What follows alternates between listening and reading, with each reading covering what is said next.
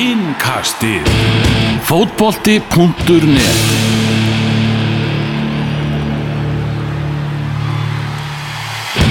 Góðið mannsal og blessu verið velkomin í Evrópu innkastið. Það er Liverpool þema í dag. Liverpool sittur á toppnum í ennsku úrslutinni með 73 steg af 75 mögulegum í vetur og það er ekki spurning hvort heldur hvenar Liverpool verður meistari. Hinga til mér er komin þeir Einar Mattis Kristjánsson, Sigursteinn Brynjarsson og Magnús Þór Jónsson frá Kopp.is.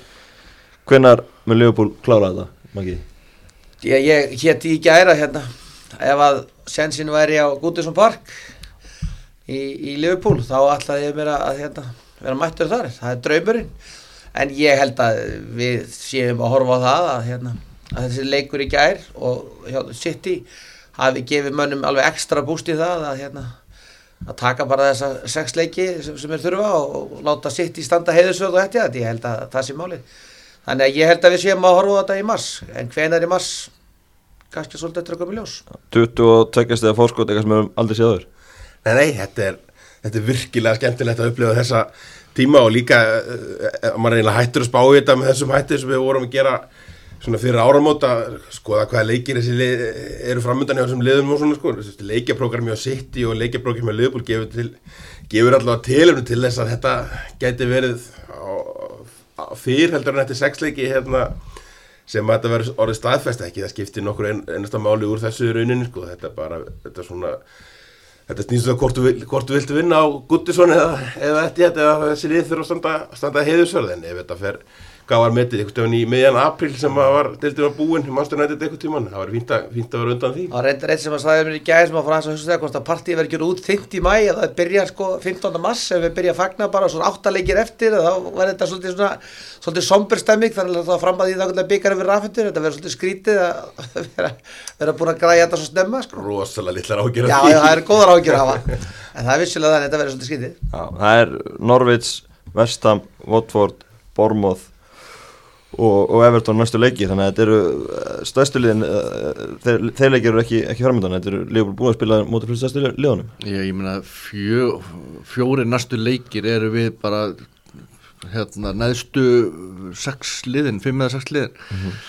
En það sem það gerir þetta svo sturdlað er að þessi fórust og þetta gengi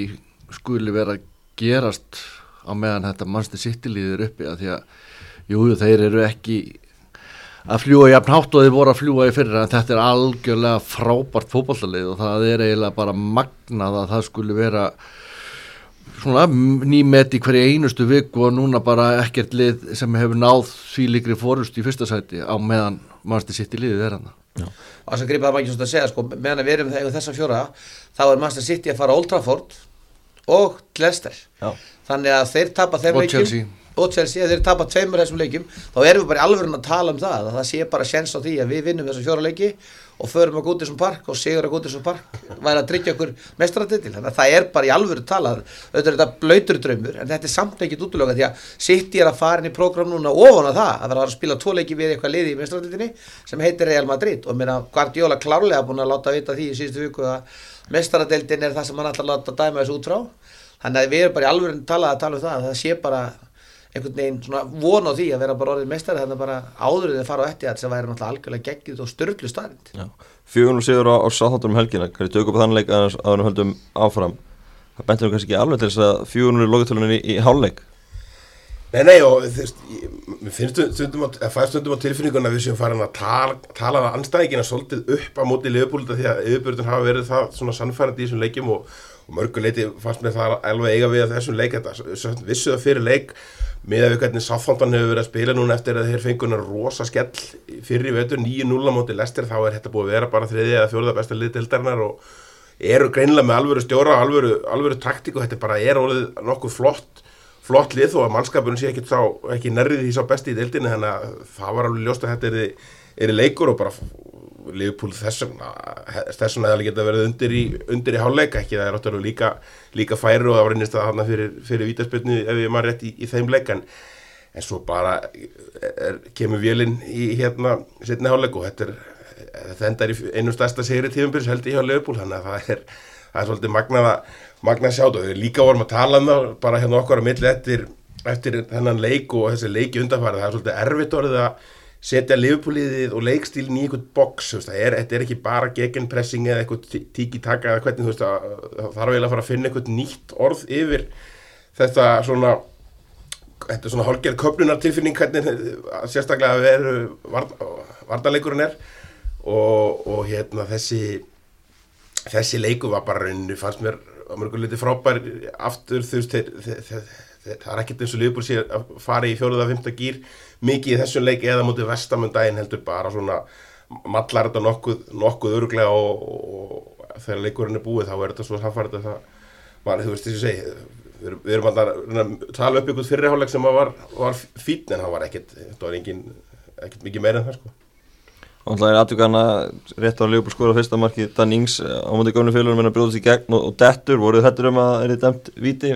hjálp var? Já, ég er unni, sko, fyrst fannst mér þetta nú ekki vera viti en, en þetta er klárt viti og ég, ég skil ekki alveg, mér fannst í þessari umferð núna var sína af hverju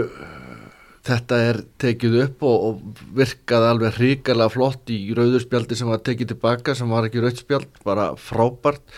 En síðan horfum var á svona bæði eins og Bobby og atveikið í fyrirháleik og, og þetta að, að þetta skul ekki vera nýtt betur og enn og aftur þetta er ekki tæknin þetta eru, þetta eru menninir á bakvið sem eru að rýna þetta sem er, ekki, sem er að klikka þarna en klárt það átt að vera viti í fyrir háleik og það átt að vera viti í setna háleik Heldur þið hefði uh, flöta viti Maggi, boltin er bara út í engast en Leopold ekki skorað? Eh, Ég veit ekki alveg, ég held að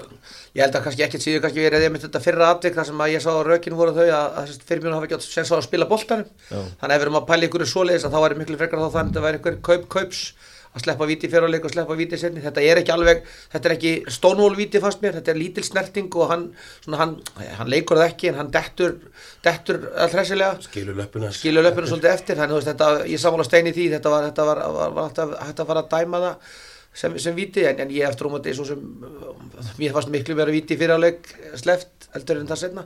þannig að ég held að það kannski hef ekki öllum voru skipt og svo kannski veit maður aldrei um það vegna þess að það svo er þetta svolítið alltaf teiknað upp sko ef skoðan skora fyrst. Sko það sem eina var að tala um hérna áðan að, veist, að,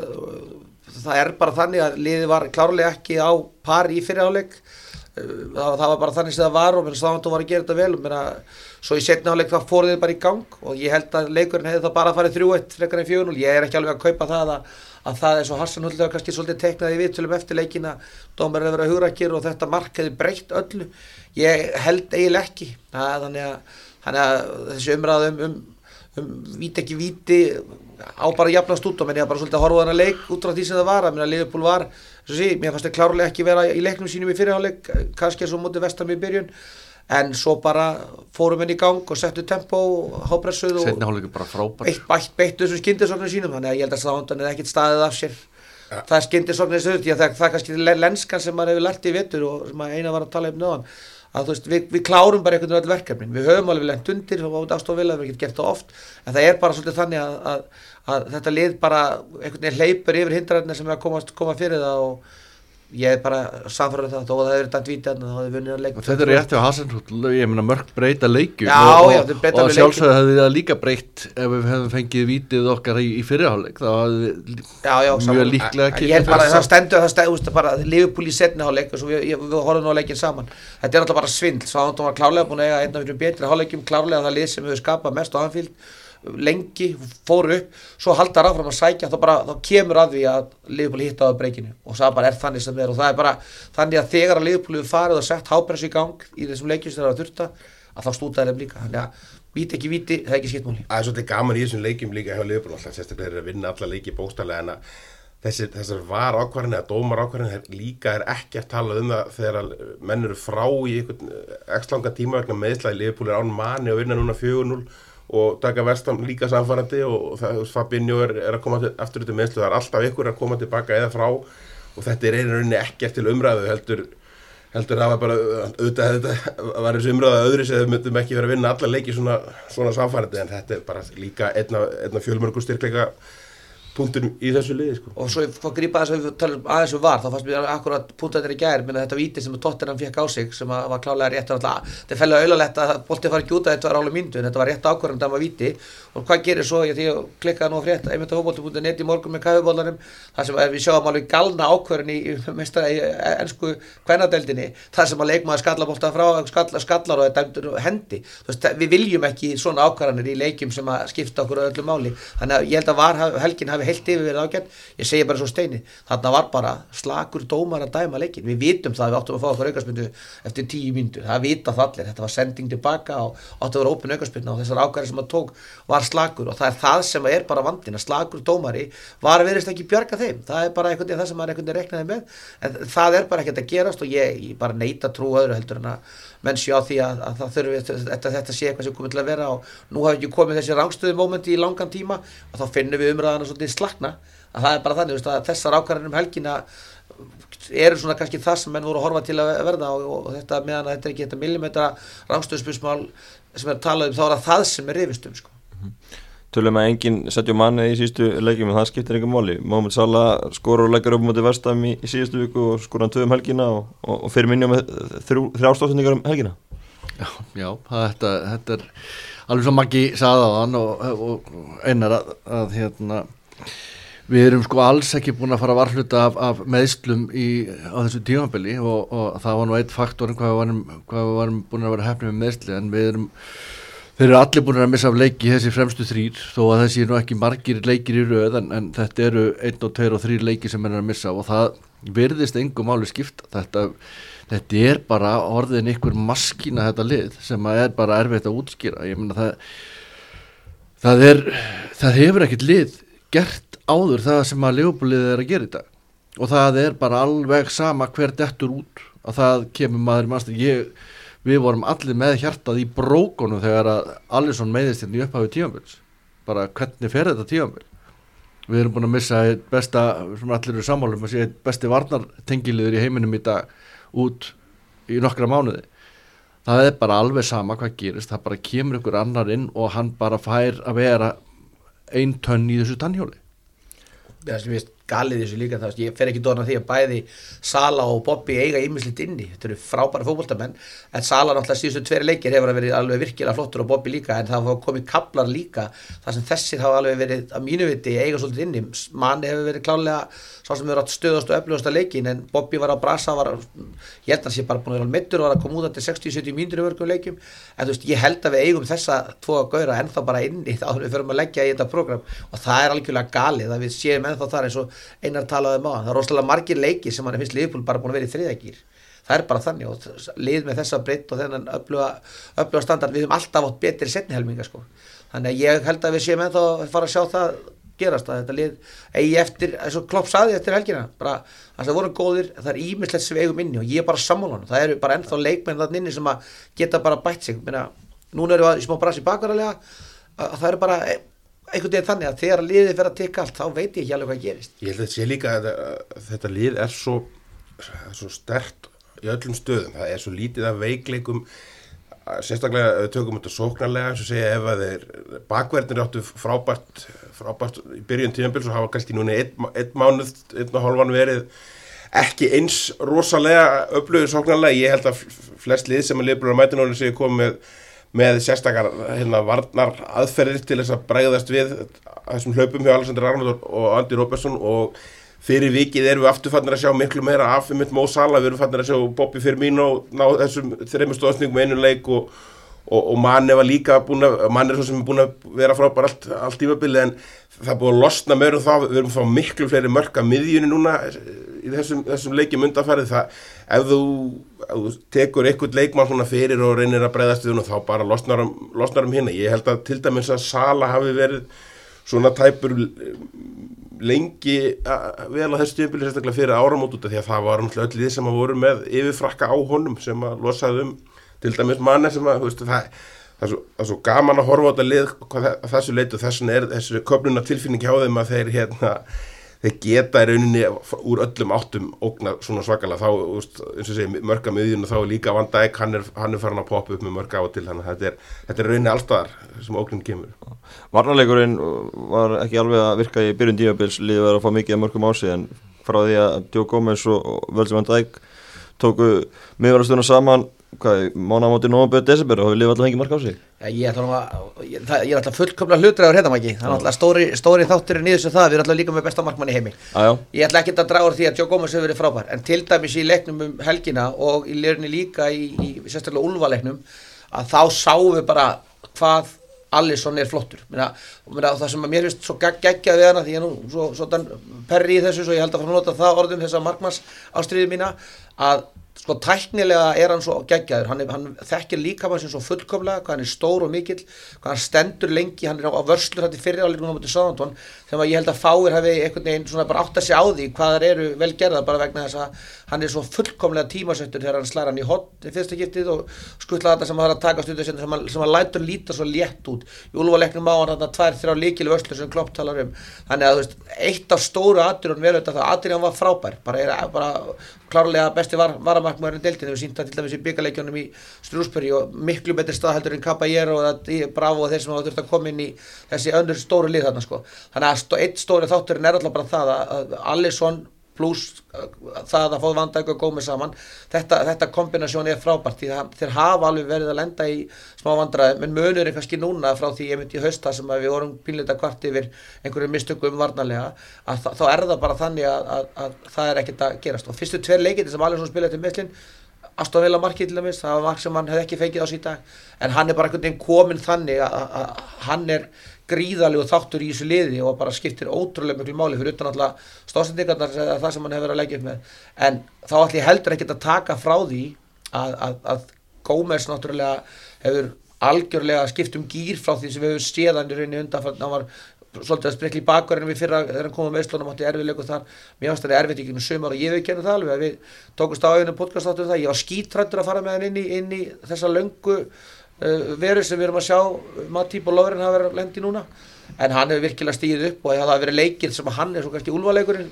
ekki síst, það sem hann var klárlega sá sem var að taka í svona stígu upp í svona líkil mómentum þar sem hann var að taka taklirindar, hann var að fara inn í hlaupaleðinar, þannig að ég held að hann sem var klárlega númið fjögur og við vorum skýt stressaðir yfir, ég hefði nógum sjálfur klárlega komið númið tvö og aftur komin á þann stað sem hann var þegar, áður hann meðist fyrir tveimur ára meila hann er góð punktu með Matt Típa þegar hann meiðist þá var tölvöð stressi við því þegar hann var líka búin að vera frábær bæði byrjun þess tíðanbíl svo hann endaði síðast tíðanbíl og, og spilaði úsluleikin í, í meðstardeldinu og, og, og þá leiki alla sko hann að en hérna við erum allir sammála um það að Gómez er er bara hérna nummer tvö og hann er bara með að við aldur líka og hvernig hann spila hann er að fara að nálgast bara vanda ekki í, í gæðum og hefur alveg potensial í það. Það sem Gómez er að gera í dag 21 tekjar er, er miklu merkilega heldur en það sem Van Dijk var til dæmis að gera á, á sama aldri og allir þessir, þessir leikmenn. Þannig að hann er hann er frábæra risa, eh, sko, klárlega risa faktor í, í, í þessu lið og fínt að hafa hann í miðvörunum heldur en þessum þessum bakvara stöðum sem hann var að spila og var ekki að heilla neitt sérstaklega í, í, sko, þeim leikjum. En, en ég held líka eins og segir, Allison er risafaktor og hann er komin með jafnmörg clean sheet og, og þeir sem er með Dean Henderson sem er hérna, ja, hvað jafnuna núna veist, búin að spila ykkur tíu leikjum meira eða nýju og ég held líka við sem aðeins að horfa í,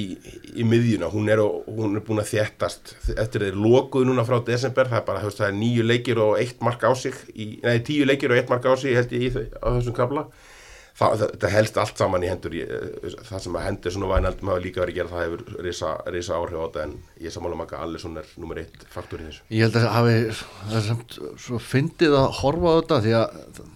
við erum búin að vera með nokkur svona solid flesta í þessari vörn en þeir eru þarna þrýr félagarnir miðverðir sem hafa bara verið að skipta þess á milli sín hver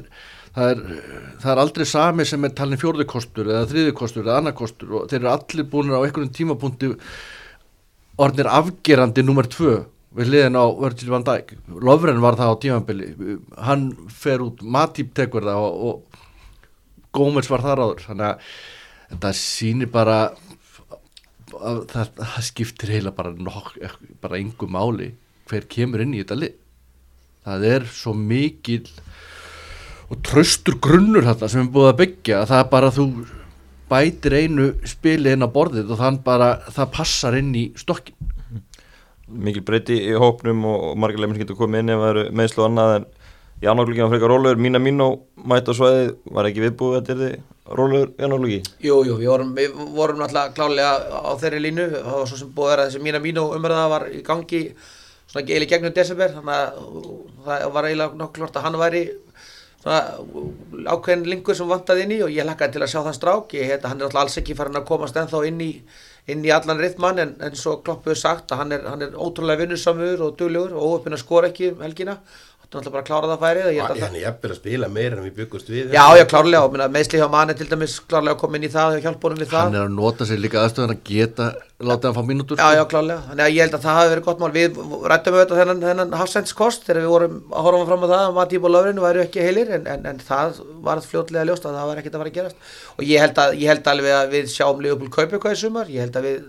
og við séum alveg þurfum alveg aðeins að horfa kringum okkur aðeins að hressu upp á einhverja stöður en, en, en glugginn var bara svo sem eins og við reknum með. Það var engin ástæð að hræði í þessu liði. Það er, það er, það er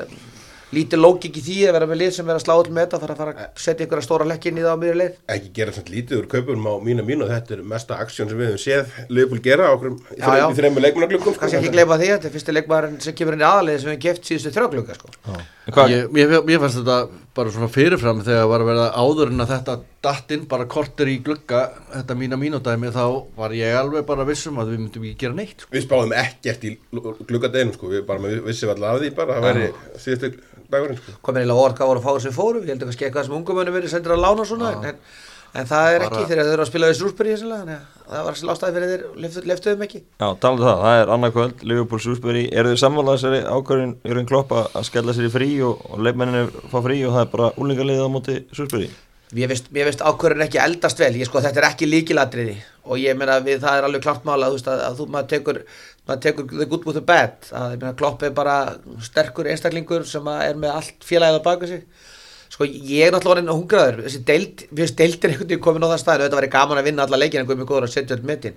En mér langar bara þess að þetta vinni bara þessar þrjá byggara sem er eftir. Ég hef alveg viljað sjá hann, hann setja eitthvað af þessu leikmönnum sem að ekki eru, eru búin að vera að spila. Ég, ég, og ég saði það svo sem hérna í, podcastinu okkar í síðustu viku og fer ekki dóna því að hérna ég held að leikmenn, ef að leikmenn Löfren, uh, Jafnvel Matip Origi, þessi strákar Shakiri, Minamino, ef þeir fengju valkostu það að fara núna í viku frí og fara eitthvað á strönd eða heim til sín eða, eða til heimalandana ef þeir fengja velja það að vera á Anfield annað kvöld og spila byggaleg þá heldur þeir vundu flestir velja sér það að taka hana byggaleg og ég held að það hefði verið leiðin til þess að, að, að græja að gera bara slá Shrewsbury út og fara í Chelsea og vinna bygg, þrjá byggara að því sögðu þá, veist, þá, þá er þetta ekki stort og mikið líkilætriði og minna svo eitt sem ég var að skoða hérna með nefnir undirbúið með undir þáttin, þá ætlaði svo sem er búið að spila við lið í þessari deild í vetur, maður bara fylgdist ekki með þeirri keppni, fóru þarna í keppninu sem hétt einu svona auto windscreen shield, ég man ekki hvað heitir Framrúðubikarinn? framrúðubikarinn, þetta lið spilaði í riðli í framrúðubikarnum og vann til dæmis liður lík von, ég er bara ekki eins og fylgst með því sko, bara fyrir að skoða undirbúningin þannig að ég er ekki viss um það að ef að eins og maður heyrist að síri vel að verði þarna Curtis Jones, jafnvel þessi nýji strákur sem við keftum fóra Brentford að þá sé ég alveg liðið eiga séns á mútið Sjúsbury en, en mig hefði bara langað til þess að keira á þessar þrjár keppnir. Sko fyrsta lagi þá held ég hann þetta snúast um það að gefa öllum hópnum frí eða ekki. Ef ykkur einn gefur kost á sér þá gefur pressa á að næsta sko. Akkur Shakiri gefur, gefur kost á sér akkur allar lallan ekki gera þetta líka ég held að það sé punkturinn það líka það sem að Klopp er að gera. Hann alltaf það er engin stjóri held ég búin að leggja jafn mikla áherslu á þetta vetrafrí eins og, og Klopp síðan hann kom og það eru allir af stjórum þessar stóru liða búin að tala um að það sé allt og mikið leikja ála og allt og, allt og margir leikir og ef að þeir sko hann bæði gefa hann skíti í þennan deildabyggarleik og, og þeir eru löngu byrjar að gefa skíti í þessa deildabyggarleiki sérstaklega fyrir, fyrir áramót og, og þetta var alltaf vitt þess að kringum, kringum HM og svo er ennþá uh, tveir leikir undanúslutins í janúar sem er fullkonlega galið og það er líka þetta rugl með að hafa auka leikist að fyrir að fara bara beint í framlíking og vító sem þeir eru að setja pressa á. Og ég held að enginn hafi sett meiri pressa á það heldur en klopp ymmið núna að hérna segja, ef, ef það er auka leikur í vetrafrínu þá bara setja 23 ára lið og gef skítið þetta. Að því sögðu þá útloka ég alls ekkert að Týri Venna og félagar takkið það sko, eins og þau tóku Everton. Tvær ykkur í, í næsta deildarleikja Leopold, þetta er nýtt, nú er vetarfrí í ennskúrúslutinni, liðin fá smá frí og, og Kloppir er mjög spenntur sjálfur að fara í þetta frí, Fyrst hann hann ætlar ekki eins og að mæta sjálfur að leikja nákvæmt, hvert er hann að fara?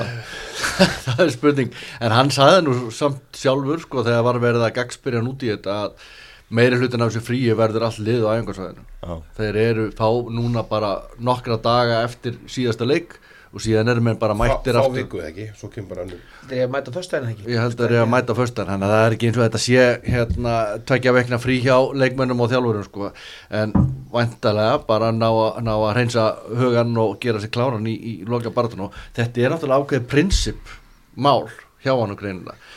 Ég hefði samt ég er alveg sammála makka með þetta en ég hefði samt viljað sjá hann bara á hliðalínunni við hliðin á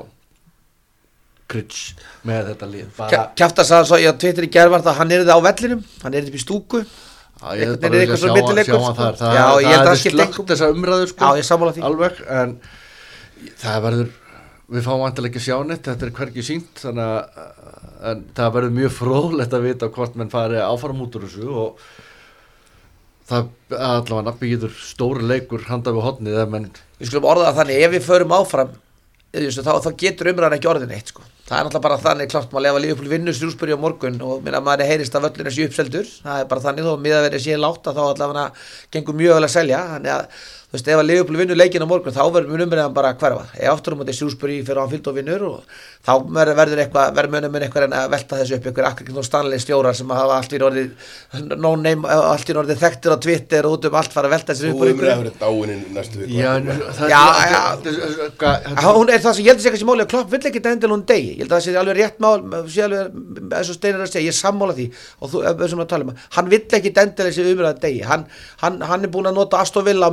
er er um hann hann, hann, hann er þessu umræðu, bara þú veist við,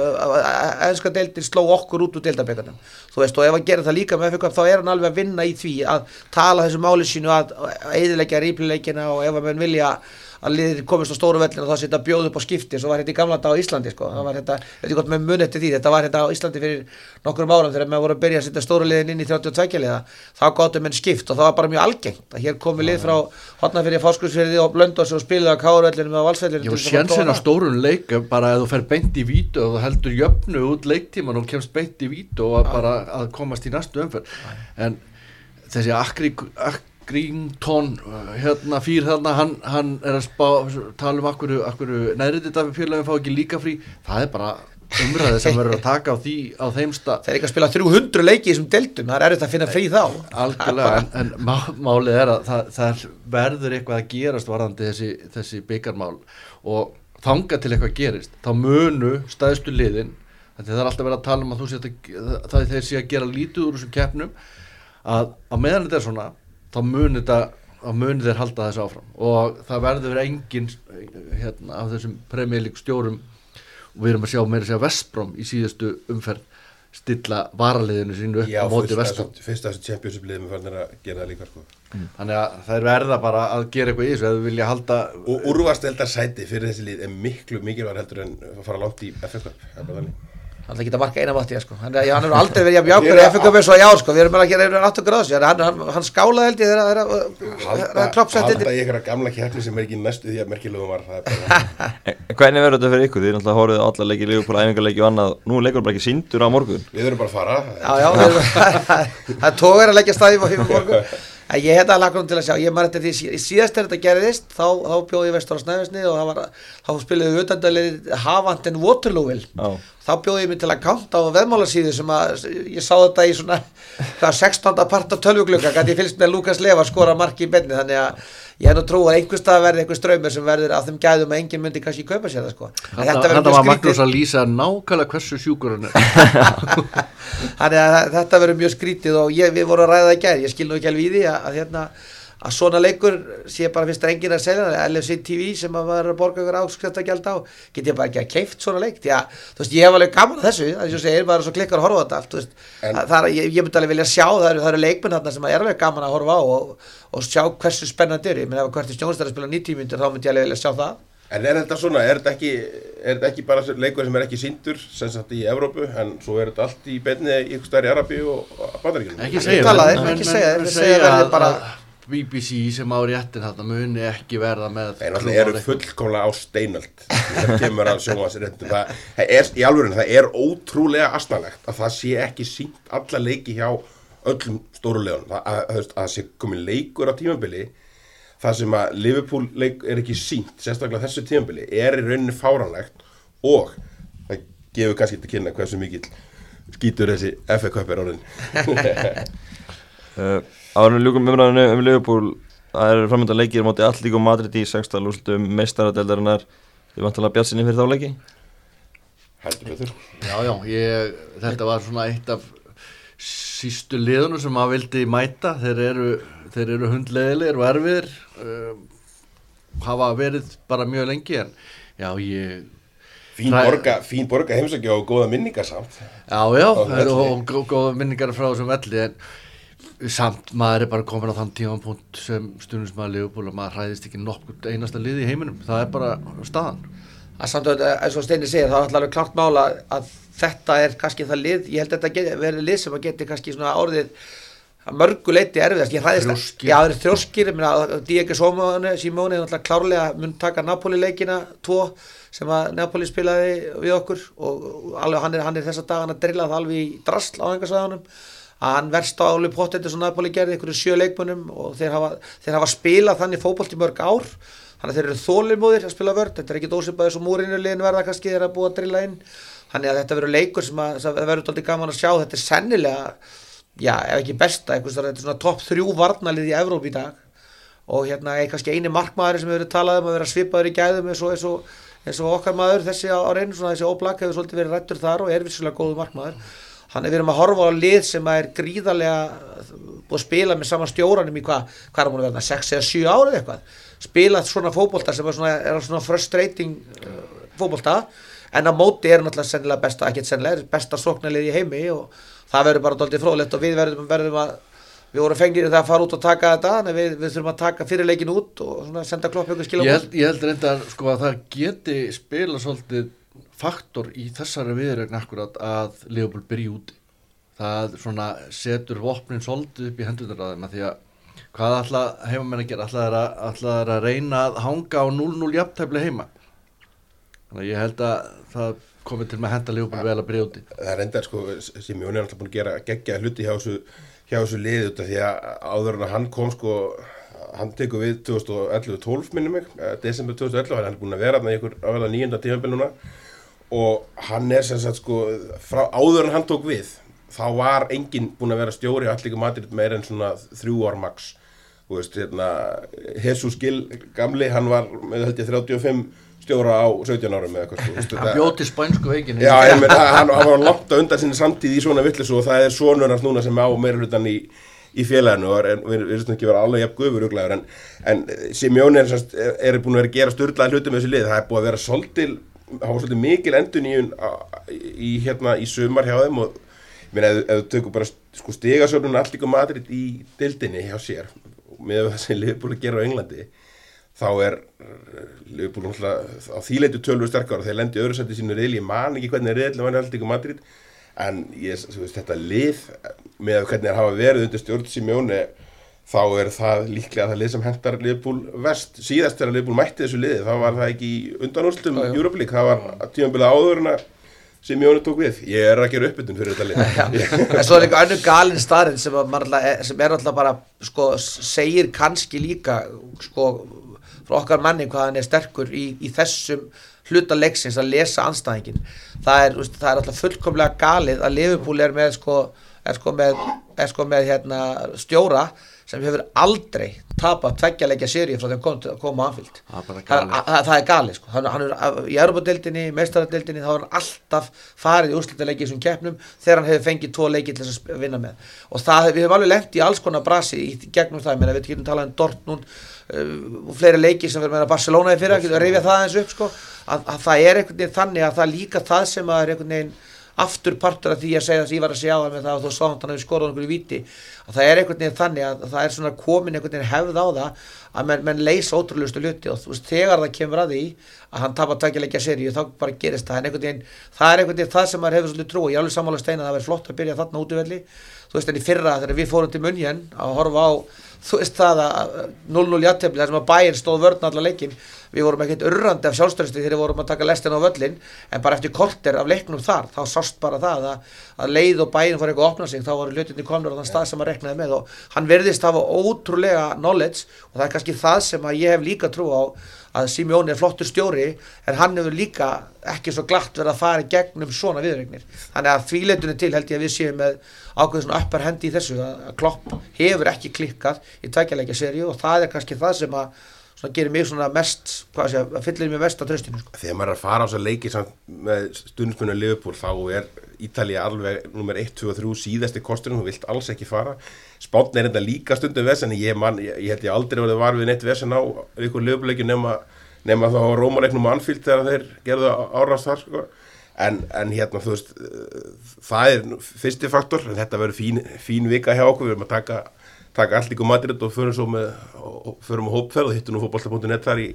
á vestafleiknum í Liverpool en, en stóri leikurinn þeirri ferði hjá okkur verður nú í Glasgow við erum já. ekki búin að ringi ykkur stjórnaforminu hvað er að senda mér Sent mér en hart sem Já, að koma við þar. Love Street þetta er völdurinn á strít við Ásamlegt, íþróttafélag Reykjavíkur lék þar 1997. leikum varabúningum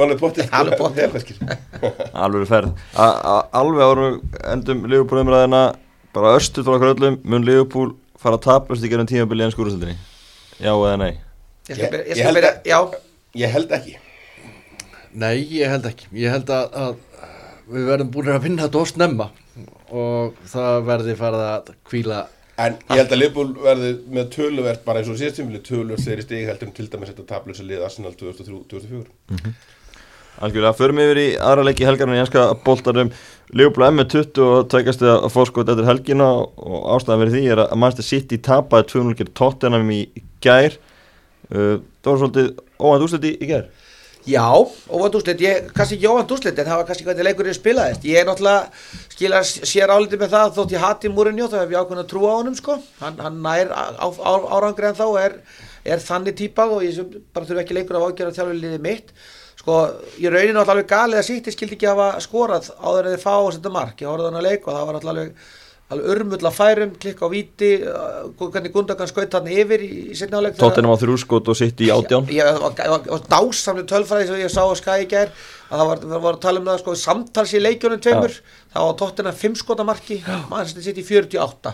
snertingarinn í bóksinu já, voru svo Tottenham á 14 snertingar móti 112 og Tottenham vinnur 40 saman þetta Menni tóleiki 42 samanlagt. en, en, en úrslitin voru kannski ekki óvænt að þýleiturinn til held ég að, að sko, við, svo,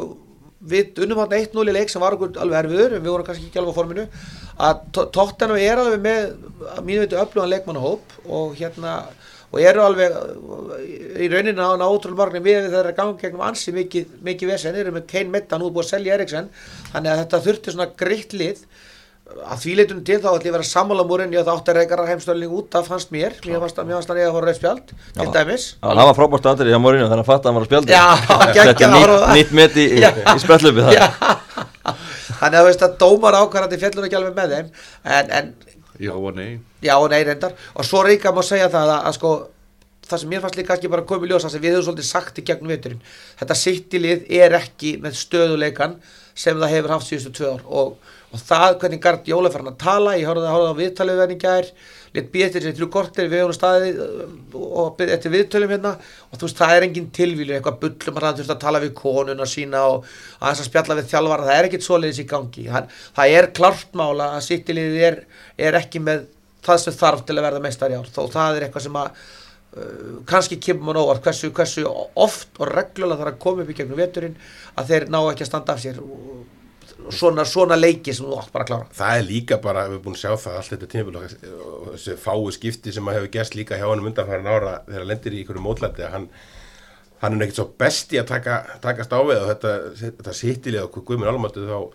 stuðnismannhópurinn þá menn er nú það sem að sér Erlendis ekki, ekki þessu örfó hérna hérlandi endilega en,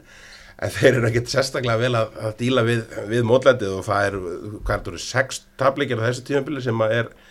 er rauninni magna með þetta lið sem við höfum að horfa á undanfarin ára og, og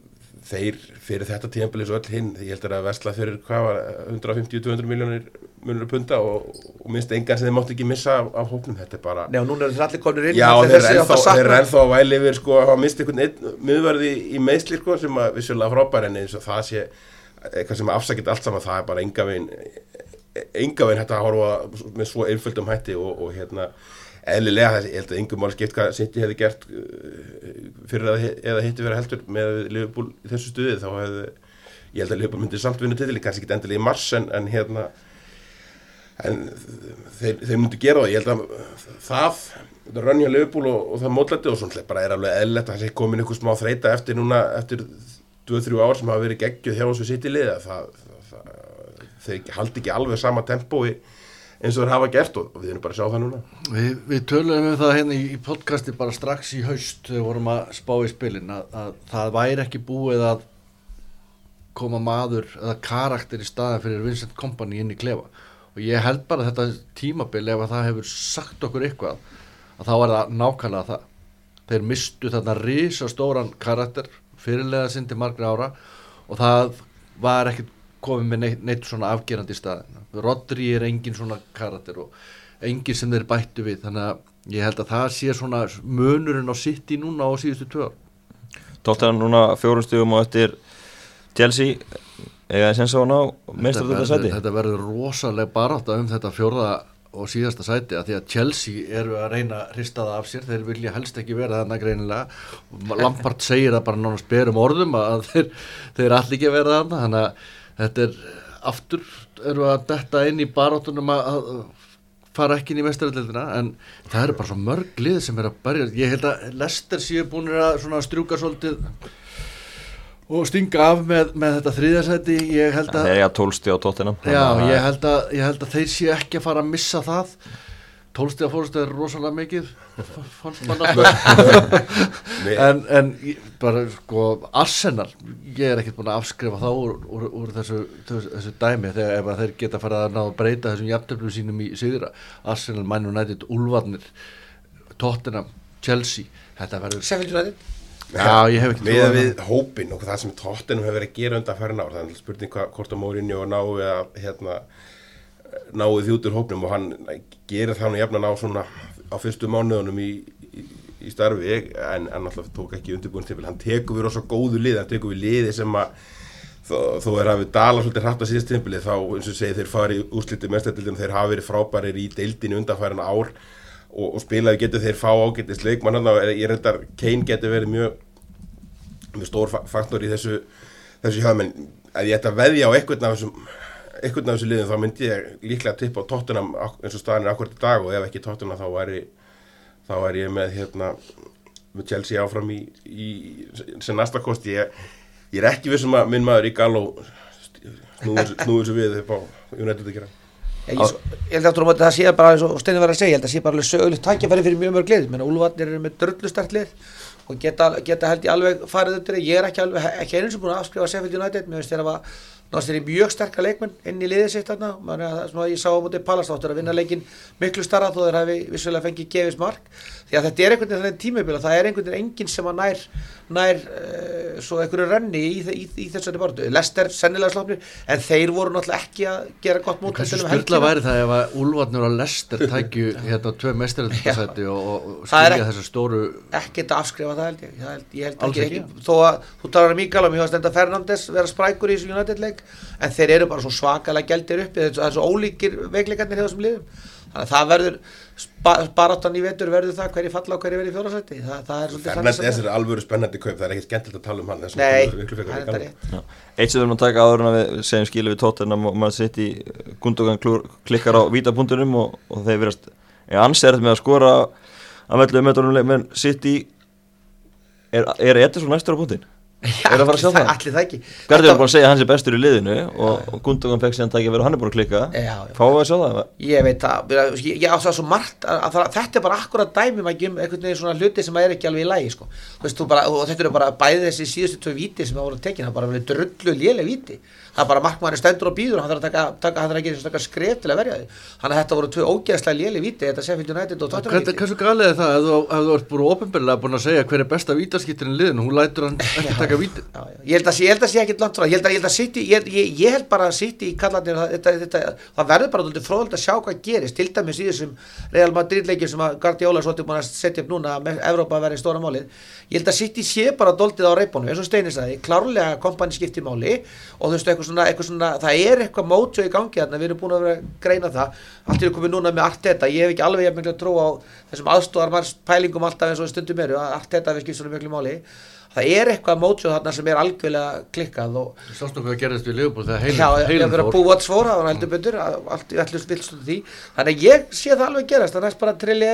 eftir svona upp eða bara að gera þeir eru einhvern veginn komið sjálfströst úr þessu láttu þá sendirinn taka sér fjandasvíti það er ekki sem Ó Sala sé að taka góð víti hann skorra allt úr þeim þetta er ekki, þetta er ekki einhverju rosa víti þetta er bara gaur við sjálfströst á punktinum. Og mér fannst bara, þú veist, hvernig Gundogan sótti boltan, ég sagði það bara, heyrðu, hann er ekki að fara að skora þessi. Þetta er einhvern veginn, var einhvern veginn svo aðstæðlegt tillöp sem var ekki klárt og bara, bara laus öðrum með markmannin bara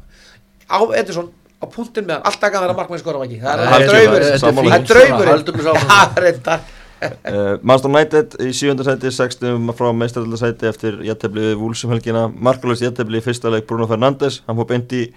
í byrjunarliði haldið að hann á að hjálpa United? Já, klárlega held ég að þetta sé leikmað sem þeir hafa svolítið þurft núna allt þetta tímabil og þetta er svona aðeins statement hjá klubnum sem að vissulega var kallað eftir hvort, er, hvort að dugið þeim í eitthvað rönnuna fram til að vinna upp þessi, þessi 60 og halda einhvern dampi, það byrjar náttúrulega ekki sérstaklega og ég, þú veist, það er alls ekkit, alls ekkit útlokað hvað það var en, en ef að Fernandes kemur inn, hann fyrir inn í byrjunliði fyrsta leik og, og hann átti nú alveg séns, sérstaklega séns sem að myndi halda að hann væri, væri um döðafæri fyrir hann, hann fekk gott skotfæri allavega einu sinni ekki tvisvar þar sem að að var nánast bara gripið, gripið frá honum en hann er rosalega góð, þetta er svona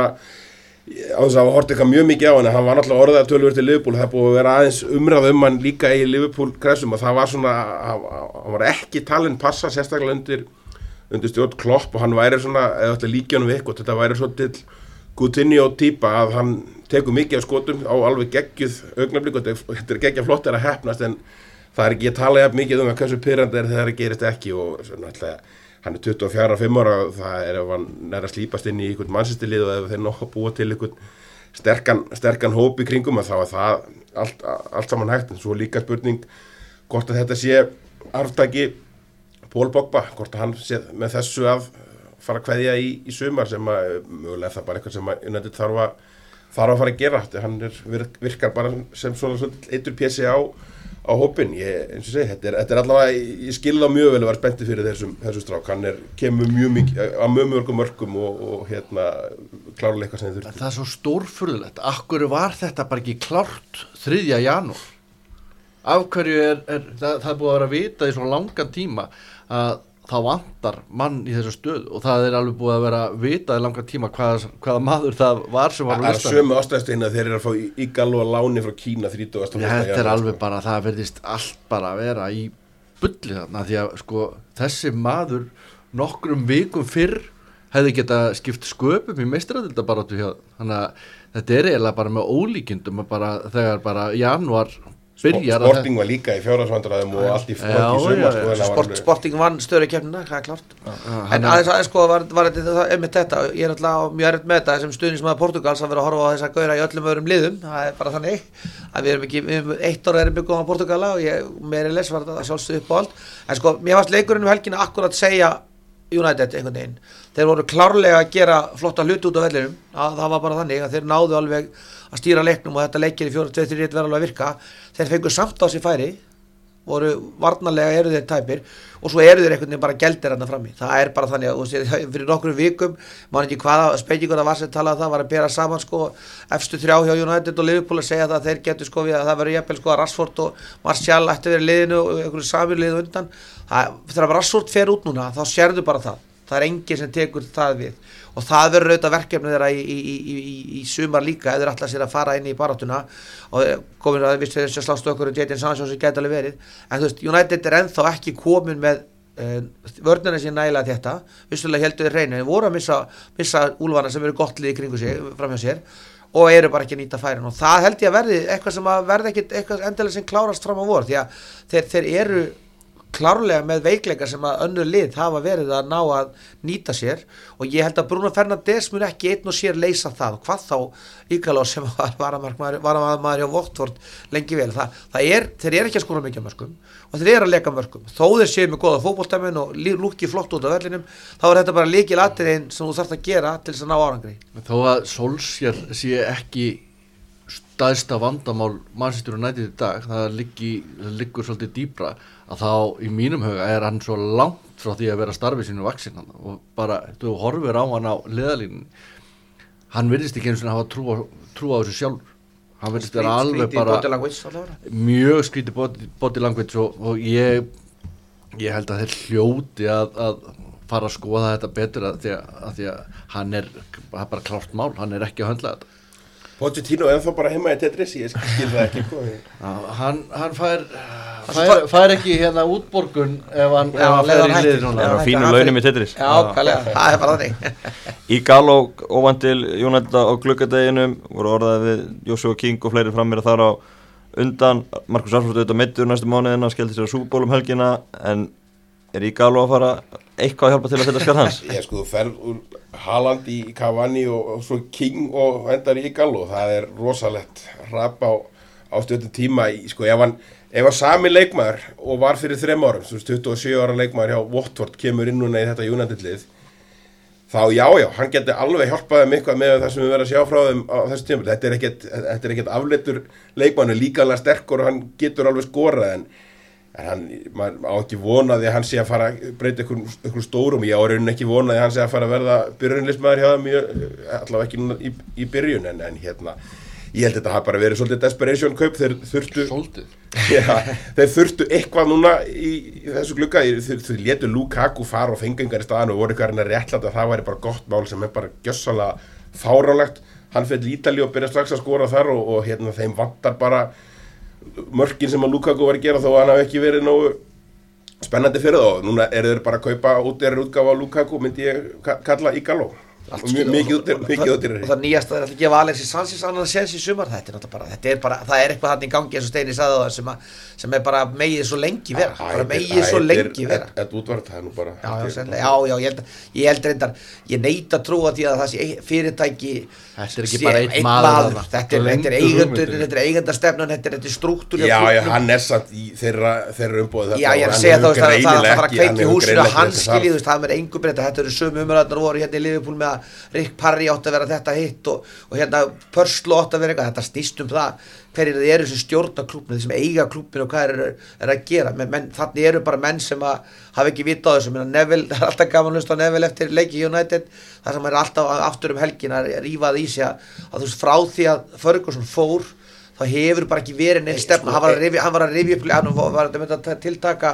Við pælum þú út að tala Mikael og mér við getum talað um Memphis Depay Angelda Maria, það verið að sækja leikmenn sem bara virkuð ekki Nei, auðvitað, auðvitað eru eigendinir e, e, sko, aðalatrið þeir ber ábyrðan á þessu þar- en það eru þeir sem að ráða menn eins og Ed Woodward til að reka félagið. Og þú veist, það er ekkert að taka, saka til dæmis eigendur Master United sko, þeir hafa mörg sóið félagið og peninga út úr félaginu alveg svakalega þú veist, það Þeir er ótrúlega, það er ótrúlega, er ótrúlega fjárar en leikmann að kaupja Master United þeir hafa keift leikmenn og borga laun á, á við öll önnur oljufélag og allt saman sko. þeir hafa fálið sem hefur eitthvað borga meira í laun og, og, og, mjög fá sem hafa keift leikmenn fyrir me, meira penning og þeir eru ekki heldur mikið að sko, leikmanna sölur til dæmis á þessum tíma hjá Woodward eru með ólíkindum lélegar það eru valla þeir hafi keift leikmann sem er að selt með, með hagnaði það er, Það er náttúrulega ekki bara útvart Það Nei, er nei, á ég það, það er ekki hann sem velur það að segja Ég Luka held- ég held- hver, hver þá? Hver er að, hver er að kaupa þetta? Stjórinn. Það er teimi jú. mönnum hann á bakvið En ég held heldur þú að Michael Edwards Ég, veit að að segja við tei- klokk ég á veit að er þetta að teimi selja Sala ég veit að teimi að það Séns. bakvið hann er, hann hausin það bara Ég held að Alex er- Ferguson ráði bara ennþá miklu og hann er bara gamla skólan og bara komin outdated og ég held að hann áhrif hans séu bara allt og mikið, hann er á öllum leikjum. Það eru allir, Óli Gunnar Solskjær hann, ég hugsa hann taki ekki ákvörðun um hvað, hvaða hérna tankramar á að nota á mótnana á þess að ringja í Alex Ferguson. Þannig að ég er nokkuð vissum að, að, að þess að vita að nokkuð. Að, það er alltaf eitthvað að og við gleðumst yfir því sama hvað það heitir. Makkinn á þess að tala á dögum tala Master United í fimm mínútur? Já. Það er Ég, ég er til að taka klukk Mér finnst jafn skemmtilega að tala um Rável og Leopold Annar lið sem er í, í vandræðum er, er Arsenal. Uh, 31 stíg í tíunda sæti Markvæðans þetta byrja börnlega um helgina. Arsenal er búið að vinna 6 af 25 leikjusunum í ennsku úrvarsleitinni 13 í aðtefli og það eru bara Watford og Norwich sem hafa unnið færri leiki í vetur. Þetta tímabil er bara rætt off hjá þeim. Þeir, þeir eru ekkert að færi mestardild og þeir verði vandræðum en þeir eru búin að Ég, ég held þessi komnir á rétta línu með, með að fá allt þetta inn og þetta er spennandi stjóri held ég sem að verði á uppleið og, og hérna er þannig líka eigendur þar sem er ekki, ekki spennandi ég, ég, ég, verri heldur en þeir er í United en, en hérna það er líka búið að taka mjög mikið til bak við tjöldin þar. Það er búið að, ég held þessi búið að skipta meira og minna út öllum sem að koma að leikmannaköpum og rekstri, rekstri félagsins og ég held að ég held að eins og ég segi, þetta tímabil hann fái það bara svona nokkuð pressulust allt þetta, það hlýtur að vera. Og vera ógeðsleg stemming í kringum Arsenal und, undanfaran ár, bara frá loka árum vengar og, og svo líka þessi emri tími, ég held, að, ég held að þeir vilja alveg gefa allt þetta sens og hafi að fíli svolítið þennan fótbolta sem hann er að reyna að standa fyrir, hann þarf náttúrulega eitthvað, eitthvað búst í, í sumar á, á leikmannaglugganum og, og, og koma sínum önnum inn, en ég held að ég held að Arsenal eh, svona verði alveg aftur með í umræðinu all, allavega top 6 Þetta er svolítið, þetta er svolítið skrítið með þetta því að Arsenal eru neðar heldur en hinn liðin en samt hefur maður einhvern veginn meiri trú á projektinu sem er í gangi þar heldur en á mörgum öðrum stuð það er bara hvort sem horfir yfir leikmannahópin og alltaf það er nýr óreindur stjóri en það verðist vera komin einhver sín þarna inn, inn í klubbin og það er eitthvað svona væp sem maður finnur allan ég finn sem bara fær mig til að trúa svona til lengri tíma að Arsenal sé svona rétt á skútun af. Þeir eru með fullt af góðum leikmannum hann innan bors, það er náttúrulega ó, mikið ójafvægi búið að vera í, í svona leikmannahóp en hann er nú þegar byrjað að, að reyna að tjastla þessu svolítið saman. Hann að en skrítið það er bara uh, með að við Manchester United þá hefur maður einhvern veginn miklu trú project, meiri trú á projektinu hjá Arsenal heldur en Manchester United eins og staðar í dag. Ég lakka til að sjá það, það var mjög gaman, það var mjög gaman. við fengum, fengum manni heimsótt til okkar hérna í kringu jólin, Markmann sjálf var undir 12 ára leys Arsenal og hann sjálfsögðu lendi við spjallið við hann. Og það var alltaf gaman að hlusta á það að þegar að Emirates tók við að þá heldu Arsenal sem klúppur doldi bara áfram sínum áherslum, yngri liðin og, og unglíka liðin og alveg neyri hanslið, hann hefði búin að vera að flakka í milli, milli liðana og hann sagt, það- þeir, þeir eru unnið svolítið bara eftir vengarstefnunni og stefnun sem klúpur var, þegar allt þetta kom inn til þrjáta, það var bara fundur það var bara allt nýtt, alveg niður hann með þess að loka á gagnagrununa þeirra og hann bara, þú veist, við erum bara hérna veist, og við erum að fara að gera þetta. Og það var alltaf gaman að hlusta á það, hann sagði svolítið svo steini, þú veist, það er komin þetta sín það er, var búin að vera sín í 20 ár hjá Arsenal, Wenger bjóð þá sín til og minna, við getum allir verið sammála um það undir lokin, það var þetta að vera svolítið skrítið fullt af leikmunni sem stigðu þetta inn sem voru ekki nógu góðir, voru með þessi element voru með þessi hátempo element voru bara linir og, og einhvern veginn ekkert gerist. Þetta er hugað en þetta getur líka verið algjör fíbdiska og mannir sem hefur enga reynslu að því vera nummer eitt lappa inn í klúbers og Arsenal og hitta þar fyrir starfsmenn og byrja fljótlega að, að ráða annarkort eins og steinir sig, annarkort virkar þetta og menn fara bara góðan stað eða við erum að tala um bara eitthvað sem að verður bara skiprótt og það var svo sem sagt í byrjun af mönnum sem voru að taka, taka um þetta ég sem spjallt átt þessi voru bara veist, og, og, og, en sko við verðum svolítið upptekinn af svona sögum. Þetta er gaman að því að sko íþróttir í dag er alltaf einmitt að ta, búa til svona einhver, einhver nöfn. Og allt þetta eh, var búin að tala þér upp. Eins og einar eh, sko, segir stundum sko á þess kannski endilega við vissum grinnistanga væri. Við vitum ekkert hvað Mikael Arteta stendur fyrir sem stjóri ennþá. Og eh, byrjunin hjá honum er ekki góð. Ef þetta hefði verið Freddi Ljungberg en einhver annar þá er hann ekki hann að neinum tölum. Þessi leikmannakaup sem hann sækir núna Cedric Suárez, ég skil þau ekki. Það er eitthvað svona desperate, kannski bara lán. Þannig að það verður bara gaman að sjá hvað verður. Hann, hann er klárlega með sín það, ég held að það sé alveg klart ból þessi strákurinn mitt sem var að tala um þetta við okkur hann, hann, var, hann er brattur á síninni en þetta getur líka verið helvitist og sprengja að ganga inn í eða gengur ekkit upp að veist, það að snúa liði veist, er doldi bratt að gera þegar maður hefur enga reynslu að því ennþá. Og það, það er stort verkefni að gera. Þannig ég heldur sjá mannakort aðsannliði bara fara á ólinn og bara verða einhver breyting og þetta er risa klúpur ég held bara, veist það kom á völlin þeirra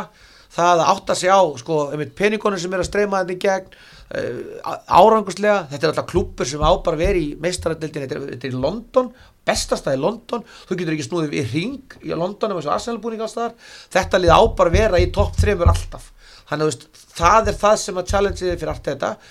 Hvort það texti á hann, ég veit ekkert hvort það er komið það staðin en, en hann hefur sín sem einhverjum, einhverjum ástæðum menn eru að kaupa. Og það er svolítið gaman og bara allir pæling ég held að við, þeir sem er að skrifa um þetta þeir sem er að taka viðtölin þá langar allar til þess að svona töffari sem kemur inn tala mikið, rosalega út á við hvað hann vil vera að gera en kannski er þetta bara flóðsnækur, það kemur bara ljós. Þetta kemur, þetta kemur í sömu vikunni þegar að þeir ráðnir eigi marri Arteta og Ancelotti sem að margir höfðu, me- sko jafnvel orðaði að talið að væri eðlir þetta væri akkurat á hinu veginn sko Arteta er náttúrulega líka leikmaður Everton. Ég held að Arteta fyrir, frá sjónarhólu stuðnum svona Arsenal sé miklu meira spennandi kostur og miklu meira spennandi að taka eitthvað svona projekt og by- byrja, ég myndi að maður segja alveg frá grunni og koma innleiða sínar hugmyndafræði og okkur nýja, nýja stefnu og hann er nú heldur betur búin að vinna undir, undir mönnum sem hafa vi- vita hvað er að gera og hann þekkir líka vel kultúrin á Arsenal heldur til dæmis Ancelotti sem er er búin að vera svolítið fastur í sínu í, í marga áratug, tekur alltaf tilbúin liðum, hefur ekkert byggt upp liði í ykkur 20 og 30 ár. Að ef þetta verið liðpúl að velja annarkvæmt er það ég alltaf tekið allt þetta af mínum að og þá soldið, eins og maður ekki segir soldið blind á, á, á, á einhvern brotið sem maður þekkir ekki. Algjörlega. Uh, Árum við endum umræðinu um ennsku úrvarsleitina förum aðeins í fallbaróttuna Vestam 3-1 yfir á móti Brighton um helgina missaði niður í 3-3 Watford 2-0 yfir á móti Everton og tapa 3-2 Þetta er tvölið sem er í fallseti ásamt Norwich. Hvaða þrjúlið er að fara að falla í vor? Ég held að, ég held að þessi lið verði rosalega nála því. Ég, mér fannst Vottord vera að rífa sig upp. Þetta var alveg, alveg sögulega liðlegt um helgina móti Everton. Þannig að ég, ég Vestham er náttúrulega, eh, að tala um reysalið það, það, það er bara næst hæsta áhörund að tala með alltaf eftir, eftir United. Þa, þannig að sko þetta er reysaklúpur sem að virðist vera enn einu sinni, ekki fyrst ekki til suga Vestham hafa skotið ansi hálftið markið bæði í varandi stjóra og einhvern veginn leikmannakaup. Og veist, þetta, veist, þeir gerði ekki tilruna mót okkur. Það var bara þannig, þú veist að einn áður þú varst á vellinu, þú stáðst þetta ennþá betur. Jan Rætt var í, í, í, í lýsindabóksinu þar sem ég horfði, hann var algjörlega galbilaður að vestam meiri sér stöðu 2-0 þar sem þeir voru hugsað að lenda ekki fleiri mörgum undir Já, já. svo þeir í bara. lendu ekki í fallsætinu eftir þann leik. Lið sem eru komin á þann stað er á vondum stað einhvern veginn. Og fyrir utan það að, að, að það að vinna, vinna sko þrjú eitt stöðu og klúrið niður það er svona sögulega daburt hvaða liður önnur hann í kring? Bornmoth er aðeins að vakna. Uh, Aston Villa. Ég, ég hef ákveðið soft spot fyrir Aston Villa. Þetta er stór og flottu klúpur hvað, hvað hérna Deltabeka keppnin að taka frá þeim ég held að þessi þrjúlið falli bara, ég er svolítið komið á það að Vestan Vottord og Norveits held ég að sé nú nokkuð í Stonewall, þeir eru að spila ofgóðan fótbolta til þess að halda sér í deildinni. Þeir eru ennþá að reyna að spila fótbolta sem ráð ekki við. Mér, mér, hef- í, í hálfleik á Vestam þá hugsaði ég með mér að Brighton gæti enda þetta niðri. En þeir eru lungnir og eru með leikmenn sem, að, sem að hafa klára þeir hafa safnað ótrúlega fáum stígum kunna þetta. Þannig að ég er svolítið að vera komin inn á það þetta, þetta mínir hann hjá Vottord klárist og Vestam sé bara með það mikið að að þetta verði þau þrjúlið sem falli er með, Vottord ég er með bjarsýttinsbá ég er undar, Norrið sem miður held ég að þeir þetta hafist ekki á þeim þó sé skemmtileg hlið og, og ég held að þeir séu svolítið að plana núna bara tímabilið þannig að þeir allir niður og koma upp þá frekar upp aftur að vera sterkir í sterkir í Championship og þeir náttúrulega kom ekki með miklu látum á, ekki á leikmannamarkanum inn í þetta, þetta mót ég held, ég hef mjög mikla ráð að gera svona mínu öðru liði í, í Bormóð, þetta hefur verið ansi erfitt hjá FDH og félögum þó að þeir séu nú ekki í fallseti eins og er og svo er ég með Bjartsínarsbá ég, ég held að þó að sem muni ykkur 60 núna, ég held að Rói Hoddsson takist að koma fallast við. Hann, hann hefur sem þarf til að ná þeim niður um deilt, held ég? Já, ég, ég, ég er náttúrulega, ef maður, ef, ef að óskhyggjan fengi að ráða þá, þá væri við alltaf að tala um, Norrins fer náttúrulega niður, það er orðið held ég morgunljóst, en draumasýnin væri að, að Hodgson færi niður með Pallas og, og Burnley færi niður líka. þá væri, þá væri þetta bara, myndi þetta allt ganga upp, en ég held að það muni ekki verða og ég er ekki sammála maka, ég hef trú á, á hérna, Vottort, ég, Mér finnst reyndar vestamlu líta alveg skelvilega út en þeir eru bara með þannig leikmannahópa þeir, þeir hljóta einhvern veginn að ná að bjarga sér. Ég held að bara áttan hann verði á milli fjögara, nei, þryggja liða. Þetta verður Bormóð, Aston Villa og Brighton. Tvö af þessu trefum fara niður. Ég ætla að giska á Aston Villa og Bormóð sorry ég er Ég setti það líka niður Að lokum áður en að við sláum bátnið þetta hlaupum að séður að allra helsta í hinnum deildunum um helgina, stærstu deildum Európu, Erling Braut Holland getur ekki hægt að skora, tvö mörg á móti Union Berlin í 5-0 sigri, Borussia Dortmund, Görnu komið með sjö mörg á 136 mínútur. Er fegin, hann fór ekki til að dæma Nei, þetta er, þetta er bara störtlað Þetta var störtlað sem hann var að gera í Östuríki og það, henni hann byrjaði mestardeldinu og svo fer hann í þýskurúrdeldinu og byrja svona. Hann er ekki orðin 20 ára og, og er, er nossari þar fyrir utan sko, þetta átt að vera mögulegt þannig að þetta er raunin bara með ólíkjöndum hvernig, hvernig Görn er að koma inn í, í fótboltan og, og eins og segi, þetta er hann er núna hjá Dortmund út þetta tíðanbúl og klárlega næsta, ég held að verði þá strax 21 fyrir 21-22 tíðanbúl eða, ég held að það verði komin þessi gafur að tala um klásula væri 60 miljónir sem er alltaf bara að gjafa prísi hann heldur, heldur þess áfram sko. Þetta er rosalega skrítið, þetta er strák, strákur sem var mitt, annar einn af, þess að var svolítið talaði með Liverpool sko, en mér fannst einmitt í þessum sálsbrukarleikin verið að ljósta, hann myndi aldrei fallin í okkar leik, Aldrei. en þetta er strákur sem, að, sem, að, sem að er klárlega að ná að spila þessa stöðu, ég held að klopp myndi alveg finna hlutaksand fyrir nýju sko, eins og já, já, það er Dortmund talar um það, þannig loksins komin artæki Lewandowski, sem er alltaf kloppjóð til og spilaði með í mörg ár, þannig að það er margt alveg til í því, en þetta er auðvitað bara, þetta er ótrúlega saga og ég vil las í fréttablaðinu morgun að með sömu, sömu tölfræð þá spilaði hann skólar að 63 mörgir sem fjórsta leiki sem hann spilaði fyrir Dortmund. Þú veist að það fara að spila heilu leiki þá fara það byggja ennþá meira. Þannig að þetta er bara galið og þetta er alltaf gaman að, gaman að því að veist, þetta er veist, það, það, er- það er ótrúlega lítið og það er við höfum alveg rætt það í gegnum tíðina. Það er ótrúlega lítið af svona alvöru gamaldags nýjum. Já, hvað eru mörg lið í heiminu að spila 4-2-3-1 með eitt strækir? Ég hugsa að sé alveg hvað að sé, að 70-80% sem er, er búin að vera með er hann eina strækur upp á topp. En hvað eru margir góðir til? Það er Lewandowski, það er Benzema